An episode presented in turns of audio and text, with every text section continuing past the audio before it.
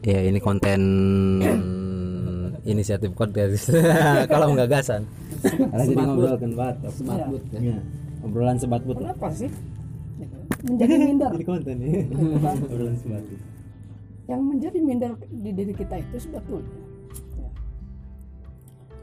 kita tidak uh, apa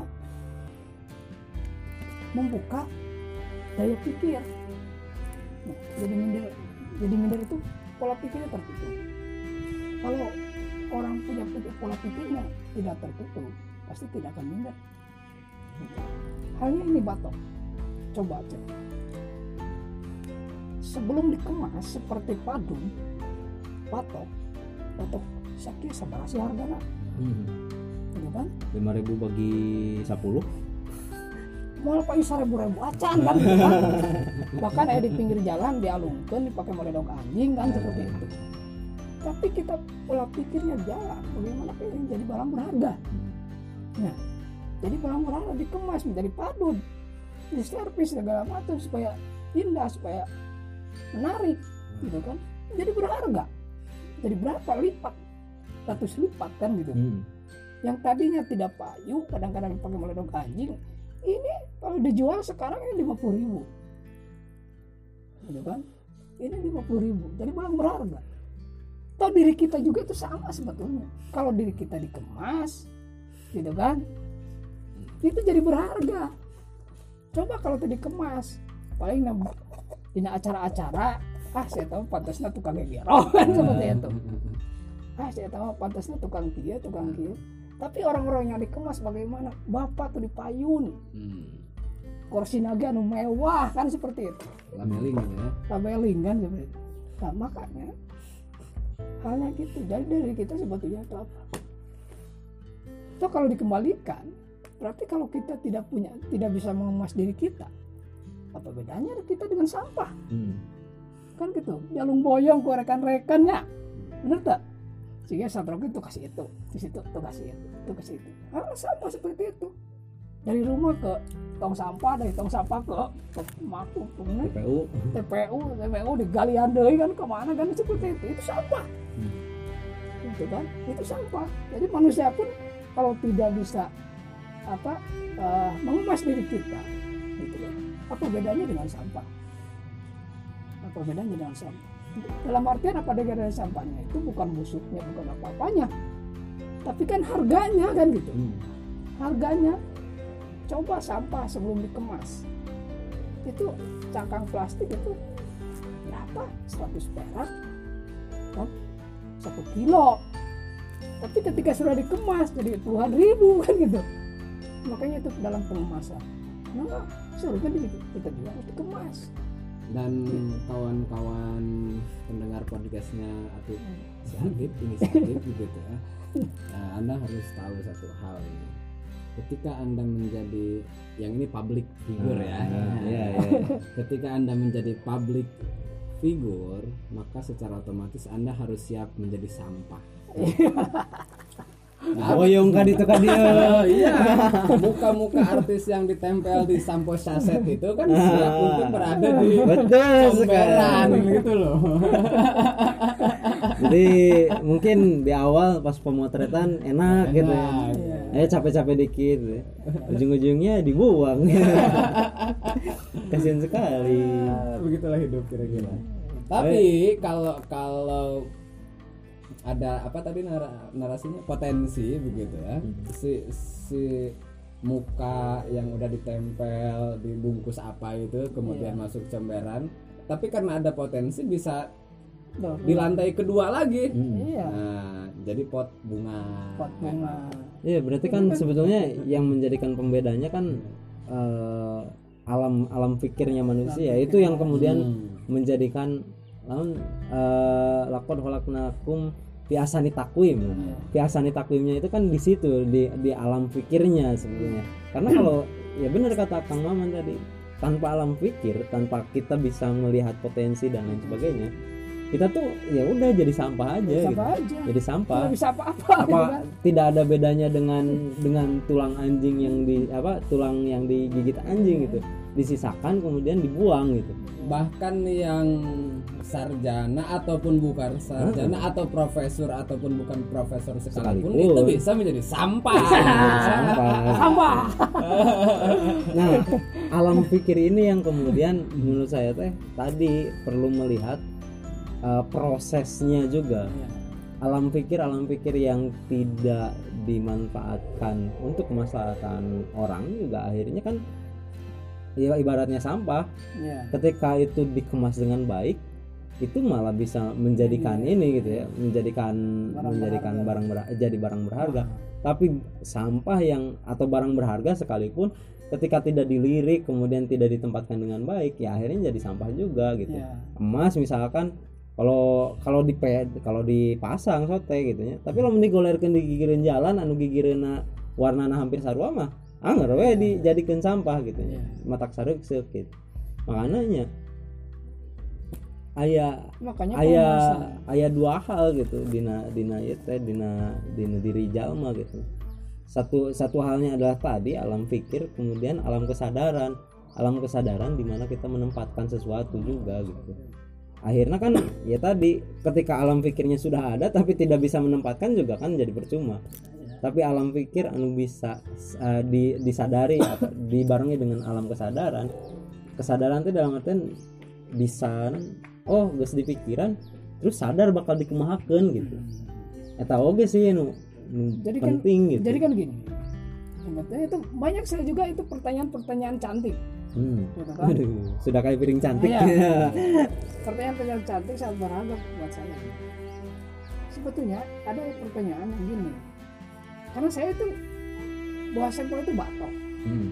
sehingga muncul pertanyaan bagaimana kalau orang itu tidak mampu gitu kan? Mengemas batok. Itu kan saya simpel batok itu kan. Jadi seharusnya itu orang itu misalkan oh ini ada potensi ini bagus. Hmm. uh, sampah didaur ulang jadi samak jadi apa jadi ambak gitu kan. Tidak harus seperti kita memaksakan bisa seperti itu Hmm. gitu kan. Nah harus eh, dipahami di situ. Jadi harus eh, jangan memaksakan oh orang berarti kudu bisa seperti itu. Jangan terlalu memaksakan itu. Apa yang kita paksakan di diri kita itu? Karena kita dilahirkan itu pasti Allah memberikan kemampuan untuk diri Hmm. kita. Ya walaupun berbeda kemampuan. Nah kapasitas dan sebagainya dan Hmm. macam kemampuan. Itu termasuk kapasitasnya. Kapasitasnya seperti misalkan ah, orang ini mah segini orang ini mah se- ah, segini gitu kan. Itu kan pasti ada perbedaan hal itu. Jadi yang menjadi pertanyaan dari saya kenapa sih kita tidak membuat pola pikir bahwa di- diri kita itu punya potensi yang harus kita kembangkan? Gitu kan? Yang harus kita kembangkan. Hanya yang tadi. Gitu kan? Jadi jangan polos lah gitu. Pola pikir kita itu jangan polos. Kalau memang kalau memang potensinya sebagai kolektor batoknya Batok. ya sudah Ya, sebagai Ya itu. sudah seperti gitu. itu, jangan memaksakan gitu kan. Jangan memaksakan. Kok ada juragan sampah kan seperti itu ya? Hmm. Ada aja sampah, juragan Itu kan- sampah nih sebenarnya. itu kan kegagalan kegagalan banyak mahasiswa KKN sebetulnya melihat kalau di kota itu eh, bambu akan jadi ini ini ini ini ini ketika datang ke desanya eh, apa ke KKN ke satu desa oh bapak ibu di di kota mah bambu teh jadi kia kia kia. Mereka lupa bahwa di kampung mah bambu teh jadi penahan air gitu ta. Air. mereka juga lupa kalau di mereka apa di daerahnya masing-masing sudah ada kearifan menggunakan bambu untuk sebagai apa gitu. Iya kepolosan orang kota sebetulnya ngelihat bahwa masa di kota saja bisa di kampung tidak bisa. itu juga itu juga jadi salah satu ketidaksadaran Banyak gitu. sih pertanyaan-pertanyaan anu seperti itu lah banyak. Jadi kamu jangan jangan memaksakan kan, kemampuan. Ya ada kemampuan kita Hmm. di mana?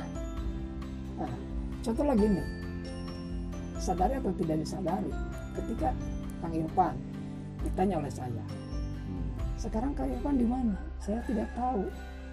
Jawaban saya tidak tahu, itu kan? Kang Irfan pendapat orang banyaknya termasuk orang saya rekan gitu. Ketika kehidupan bahwa saya ini tidak tahu di mana ini kan gitu. Hmm. secara secara uh, pikir gitu kan secara oleh pikiran itu kan kehidupan itu orang sadar enggak kan gitu. Nah Nah, ketika halnya gitu yang tadi ketika kita di diri kita tidak punya potensi berarti orang itu tidak sadar. Betul tidak? Berarti orang itu tidak sadar gitu kan. Apa yang tidak yang kesal? Karena kita tidak punya tidak tahu gitu kan. Tidak tahu diri kita itu punya apa. Hmm. di diri kita itu punya apa. Gitu kan. Halnya yang tadi saya contohkan ketika orang ditanya kita sedang sekarang sedang apa? Nggak tahu. Kan gitu. Kalau orang ditanya kita sedang duduk ditanya tidak tahu ya. orang itu sadar enggak kan gitu. Punya kesadaran ya punya ya? kesadaran Ah. enggak kan gitu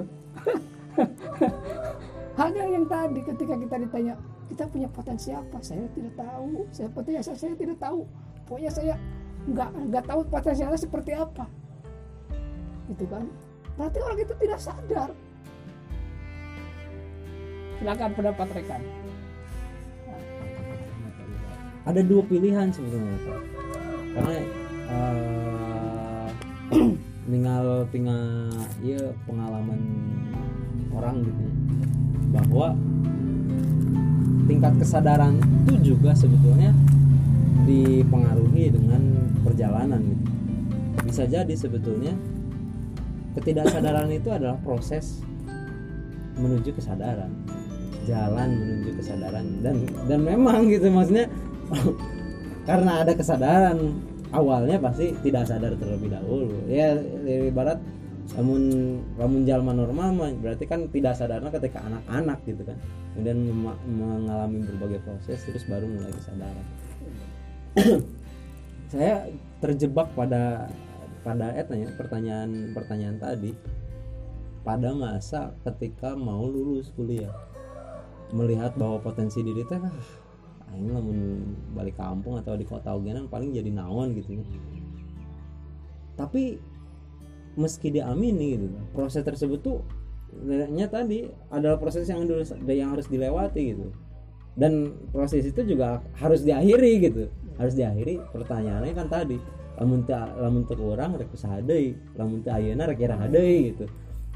Nah, untuk menyadar apa untuk membuka mak untuk membuka mata bahwa diri memiliki potensi diri memiliki ini juga harus dipaksakan oleh dirinya gitu karena saya yakin orang yang mendengarkan ini juga semoga saja beberapa adalah orang-orang yang belum sadar gitu. Sehingga mulai mulai bergegas dari sekarang kepikiran wah saya apa yang mau saya lakukan gitu? Apakah akan tetap menjadi orang yang tidak sadar gitu? Atau merubah merubah diri menjadi orang yang lebih sadar. gitu. Baik sadar bahwa saya kan dulu sempat ini ya apa, sempat me- mengutuk diri gitu mengutuk diri nah saya tuh balik-balik ya di kota bayi ya. tapi akhirnya membuka matanya jangan-jangan apa ya terus ti, aki gitu nya anu memang nomaden gitu anu memang pindah-pindah terus ya memang suratan takdir gitu memang memang seharusnya tidak tinggal di rumahnya maksudnya eh, sesekali pulang ke rumah tapi menikmati kehidupannya di jalanan gitu menikmati kehidupannya di perjalanan gitu di dalam perjalanan hidup gitu. Nah itu yang kemudian ngebuka eh, jangan-jangan gitu. Mulai mulai meraba diri. Jangan-jangan memang proses prosesnya ini yang menjadi kehidupan. Bukan tinggal di mananya atau bukan menjadi apanya tetapi sedang ber- eh, sedang melakukan apa dan sedang menjadi siapa gitu. Itu yang justru ngebuka ya karena kan semoga saja menjadi eh, pendengarnya jadi mahasiswa doang gitu ya. Supaya related gitu. Supaya ter, tersantol gitu ininya obrolan ya. Karena kebanyakan mahasiswa kayak gitu kan. Akhirnya ah saya mah eh, non saya mah akan menjadi apa dan ditetapkan dari sekarang sampai tidak ada waktu untuk bergelisah gitu bergelisah ria gitu. Lempeng pegawaian kerjakan tugas tapi kapoho bahwa refleksi diri terus tadi menemukan titik kesadaran itu juga penting gitu. Iya. Nggak loba tuh ya nunggu jadi tapi tak apa. Jadi naon. Kawasnya makalah seperti bikin makalah. Saya buat apa bikin makalah tiap minggu? Itu kan Sangat proses tidak- gitu. Saya juga- sekali. saya juga mau tanya nih sebetulnya ya mau tanya dari Cikubang ya tadi berangkat dari Cikubang. Nah, sampai Pagar Bumi bahkan sampai TPO kan apa yang anda temukan sepanjang jalan yang menjadi satu inspirasi buat kita? Atau buat keluarga atau buat mereka? Atau kita itu cuman menikmati Polos jalan, ya. jalan itu gitu kan? Dengan jalan yang terjal gitu kan? Nah, tidak begitu terjal sekarang sebetulnya dibanding dulu gitu. Atau bagaimana? Ya kalau kalau kalau aku sih nostalgia. Nostalgia karena memang ya menghabiskan cita-citanya dulu pengen keliling Pangandaran dari desa ke desa begitu dan itu sudah sudah dijalankan secara tidak langsung dari mulai ujung Pangandaran uh, pagar bumi jelat gitu kan. Terus ujung Pangandaran Lancar bagian barat dan utara. Bangun jaya kemarin gitu Jaya sama Tasikmalaya walaupun belum spesifik ke desa-desanya itu uh, sebuah nostalgia gitu ya. Oh dulu saya pernah ke sini dan sekarang sudah ke sini. Kalau dilihat dari kacamata pembangunan infrastruktur gitu, waduh, sudah sangat maju sekali. Tapi kalau dilihat dari kontra narasinya gitu kan, oh nggak bisa dong gitu. Sebuah pembangunan itu dilihat dari bagusnya jalan gitu. Yang pada akhirnya ya udah yang tadinya pasir akhirnya harus dipotong begitu. Tapi itu mau tidak mau hal yang yang harus dilalui oleh manusia begitu sebagai bentuk uh, kemajuan. Itu satu. Kemudian yang kedua ya tadi memastikan bahwasanya saya juga bisa terus bernafas begitu kan. Kemudian anak-anak saya juga bisa bisa bernafas dalam artian ketika saya kunjungan ke rumah tadi ada rumah yang di atas kolam gitu kan. Saya juga pengen dong bikin rumah yang di atas kolam yang ketika berak itu langsung wah lele langsung menuju sumber akhir. Sumber akhir dan melahirkan kehidupan dan melahirkan baru. kehidupan baru. gitu. yang pada akhirnya. Bukan ta- kehidupan eh, bau ya. pendengar ya tadi saya tidak tidak sengaja tidak sengaja dalam artian karena kebiasaan gitu ya. Saya kan merokoknya kadang filter kadang kretek terus. Hmm. tadi saya kebetulan merokok filter terus dilempar ke kolam. Eh Baru langsung sadar. dihantam sama ikan. Ah, baru sadar. Waduh, ini aku dosa ini gitu loh. Puntung rokok saya dimakan ikan dan itu masuk ke dalam perut. Ya begitulah kira-kira. Pada akhirnya balik lagi ke diri gitu loh. Nggak bisa dong saya buang sampah Hmm. uh, sembarangan. Se- sederhana saja. Luar- jadi kayak Maman kalau mitoha rada geger gitu ya. Nah ya puntung rokok di dalam. Rasa sadu ya. Iya, ya itu tadi bentuk kesalahan, bentuk ketidaksadaran yang pada akhirnya menjadi ada udang di balik batu itu saya artikan sebagai hikmah gitu. Hmm. Dari perjalanan hari ini, oh jangan kan buang sampah di nubala gitu ya di Hmm. tempat semak-semak, bahkan ke dalam air pun ya mungkin someday itu lang- hanyut. Tapi bisa jadi pada waktu itu juga ada makhluk yang mengkonsumsi itu yang pada akhirnya menimbulkan kematian. Gitu Kang Maman. Ini jadi jadi satu narasi buat Kang Maman ya. Wah iya betul sekali.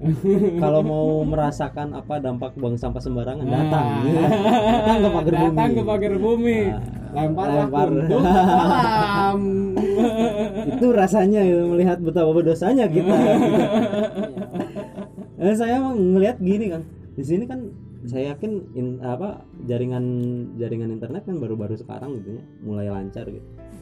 Tapi saya rasa potensi ke depannya adalah gimana cara memperlancar satu akses memang akses transportasi gitu ya.